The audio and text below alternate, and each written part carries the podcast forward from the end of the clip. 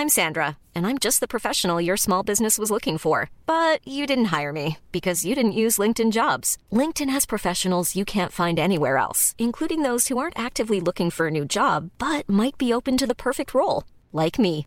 In a given month, over 70% of LinkedIn users don't visit other leading job sites. So if you're not looking on LinkedIn, you'll miss out on great candidates like Sandra. Start hiring professionals like a professional. Post your free job on linkedin.com/people today.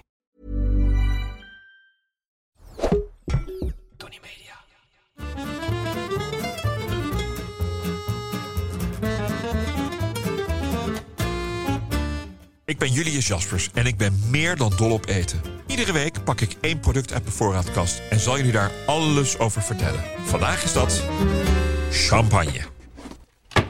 Ik ben er dol op. Maar ik ben wel een zeikert. Of heb ik gewoon smaak? Laten we het erop houden dat ik weet wat ik lekker vind. Alhoewel ik me graag laat verrassen en vooral verbazen. Champagne is voor mij altijd bruut. Ofwel droog.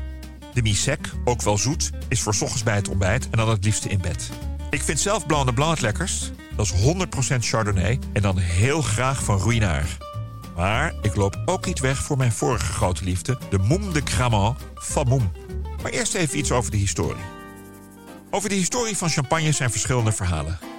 Dom Perignon zou in 1668 zijn begonnen met het produceren van wijn in de Champagnestreek. Het verhaal wil dat hij op terugweg van Bedevaart naar Santiago de Compostela even is blijven hangen in het Franse Limoux en daar de belletjeswijn voor het eerst zag. Hij was zo onder de indruk dat hij zich de methode om deze wijn te maken meester maakte en met het geheim vertrok naar de Champagnestreek. Een ander verhaal vertelt dat een Engelsman het spul al eerder had ontdekt. En dat de dom juist de belletjes uit de wijn probeerde te halen, omdat de flessen ervan knapten. Door de koude winters in de Champagnestreek stopte fermentatie van de wijn in de flessen en kwam er in het voorjaar een tweede fermentatie. Door de koude winters in de Champagnestreek stopte de fermentatie van de wijn in de flessen en kwam er in het voorjaar een tweede fermentatie. Die zorgde voor de aanmaak van carbondioxide, de belletjes. Toch is de Dom de eerste die echt champagne ging produceren. En ook de eerste die van blauwe druiven een witte wijn maakte. Hij is de ontwikkelaar van de wettelijke méthode traditionnelle, de oude méthode champenoise.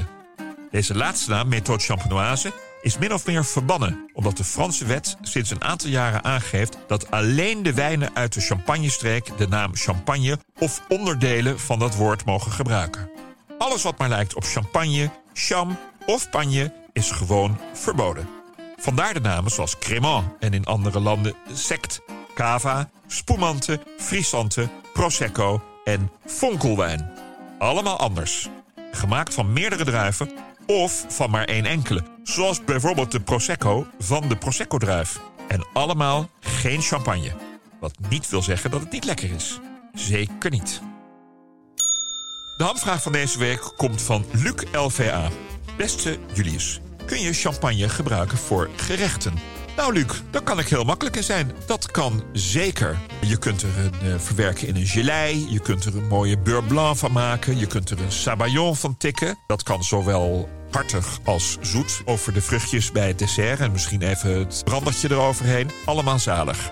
Enig is wel dat je van het bubbelige niet zoveel terugproeft. Maar wel van de rijke smaak. Champagne wordt meestal gemaakt van een blend van drie druiven. De rode Pinot Noir, de rode Pinot Meunier en de witte Chardonnay. De druiven moeten, wettelijk, met de hand worden geplukt... en extreem voorzichtig worden geperst, voordat je roze wijn krijgt. Het sap uit de rode druiven is namelijk gewoon wit. Alleen de schil is rood en geeft de roze-rode kleur. 1000 kilo druiven geeft ongeveer 625 liter wijn. Voor een fles champagne heb je dus ongeveer 1,2 kilo druiven nodig. De eerste gisting, de alcoholische fermentatie, vindt na het persen, wat in twee stappen gebeurt, plaats in aparte vaten. Dus elke druivensoort fermenteert apart. Dat kan in grote roestgetale tanks, maar ook in kleinere en zelfs in eiken vaten. Zodat elke wijn zijn eigen cru, zijn eigen afkomst heeft. De meeste wijnhuizen voegen suikers toe, de zogenaamde chaptilisatie. En ook wel gistculturen. Anderen wachten tot er zich wilde gisten aandienen. De gist zorgt ervoor dat de natuurlijke suikers worden omgezet in alcohol. De volgende stap is de malolactische fermentatie en gebeurt door bacteriën en niet door gisten, waarbij het scherpe appelzuur wordt omgezet naar het zachtere melkzuur. Niet iedereen doet dit overigens. Daarna vindt de assemblage plaats, waarbij de nieuwe wijn wordt gemengd met wijnen van voorgaande jaren, om zodoende tot een constante kwaliteit te komen. Ondanks de wisselende kwaliteit door bijvoorbeeld het klimaat. Bij uitzonderlijke jaren gebeurt dit niet en wordt alleen de wijn van het oogstjaar gebruikt. Dit noemen we een vintage champagne of een millissimé. En die is er dus niet ieder jaar. De Pinot Meunier rijpt minder goed dan de Pinot Noir en de Chardonnay en wordt niet gebruikt voor de vintage. Als er alleen Chardonnay wordt gebruikt, spreek je van een Blanc de Blanc. Als alleen Pinot Noir wordt gebruikt, spreek je van de vaak wat stevige Blanc de Noir. Volgende stap is het bottelen, in het voorjaar na de oogst. De wijn heeft een maand of 6, 7, 8 gerijpt. Alle suikers zijn omgezet in alcohol en de stille wijn wordt voorzien van wat liqueur de tirage, een mengsel van suiker en gist, waardoor de bubbels gaan ontstaan. Hop, in de fles voor de tweede gisting, kroonkurk of dop erop en naar de koele kelders. Want hoe koeler de kelder, hoe fijner de bubbels, de zogenaamde mousse. De NV-champagne, de non-vintage, rijpt minimaal 15 maanden. En de vintage champagne zo'n 3 jaar. De volgende stap is de remuage, oftewel het schuin op de kop in een hoek van 75 graden plaatsen van de fles, zodat de resterende dode gist in de hals verdwijnt. De flessen moeten dagelijks iets gedraaid worden, wat vroeger met de hand gebeurde door de remueur, die met de hand wel 50.000 flessen per dag draaide. Tegenwoordig gaat dat natuurlijk allemaal automatisch. De laatste stap is de dégorgement, waarbij de hals van de fles door een ijs met zoutbad wordt gehaald en de kroonkurk of dop er inclusief het bevroren ijs met gistcellen wordt afgeschoten. Natuurlijk verdwijnt hier iets van de kostelijke champagne, maar dat wordt weer aangevuld met liqueur de expedition. Een mengsel van rietsuiker, brandy en oude champagne of witte wijn. Waarmee meteen wordt bepaald of het een droge of een wat zoetere champagne wordt. Pas nu gaat de definitieve kurk op de fles. Met de beroemde metal cap die rondom met ijzerdraad op de fles zit. Zodat de kurk er door de aanwezige carbondioxide niet afvliegt. Tot slot van dit technische verhaal nog even de verschillende champagnes. Extra Brut is de droogste. Maximaal 6 gram suiker per liter. Direct gevolgd door de gewone Brut, die ook droog is. Demi-sec heeft 35 tot 50 gram suiker per liter. Een zoetje, maar niet te. Gevolgd door Doe met meer dan 50 gram en die is echt zoet. En dan kennen we natuurlijk de rosé champagne. Daar hebben de schillen van de beide pinots nog even meegerijpt. Net zoals bij gewone rosé. We sluiten af met de eerder genoemde Blanc de Blanc. Die wordt van alleen Chardonnay druiven gemaakt. En de Blanc de Noir, die wordt alleen van Pinot Noir druiven gemaakt.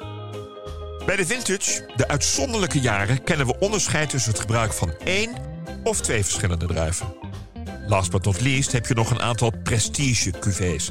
Perignon, Cristal en Kroeg. Onbetaalbaar. Lekker.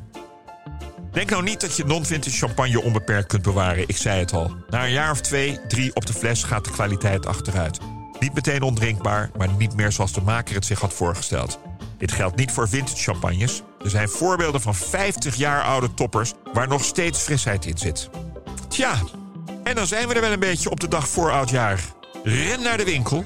Bedenk dat een Volkswagen je net zo goed naar de finish brengt als een Mercedes of een Bentley, maar dat er verschil is in comfort en dus in smaak.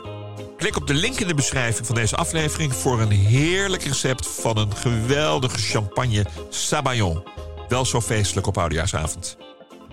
Dat was hem over champagne.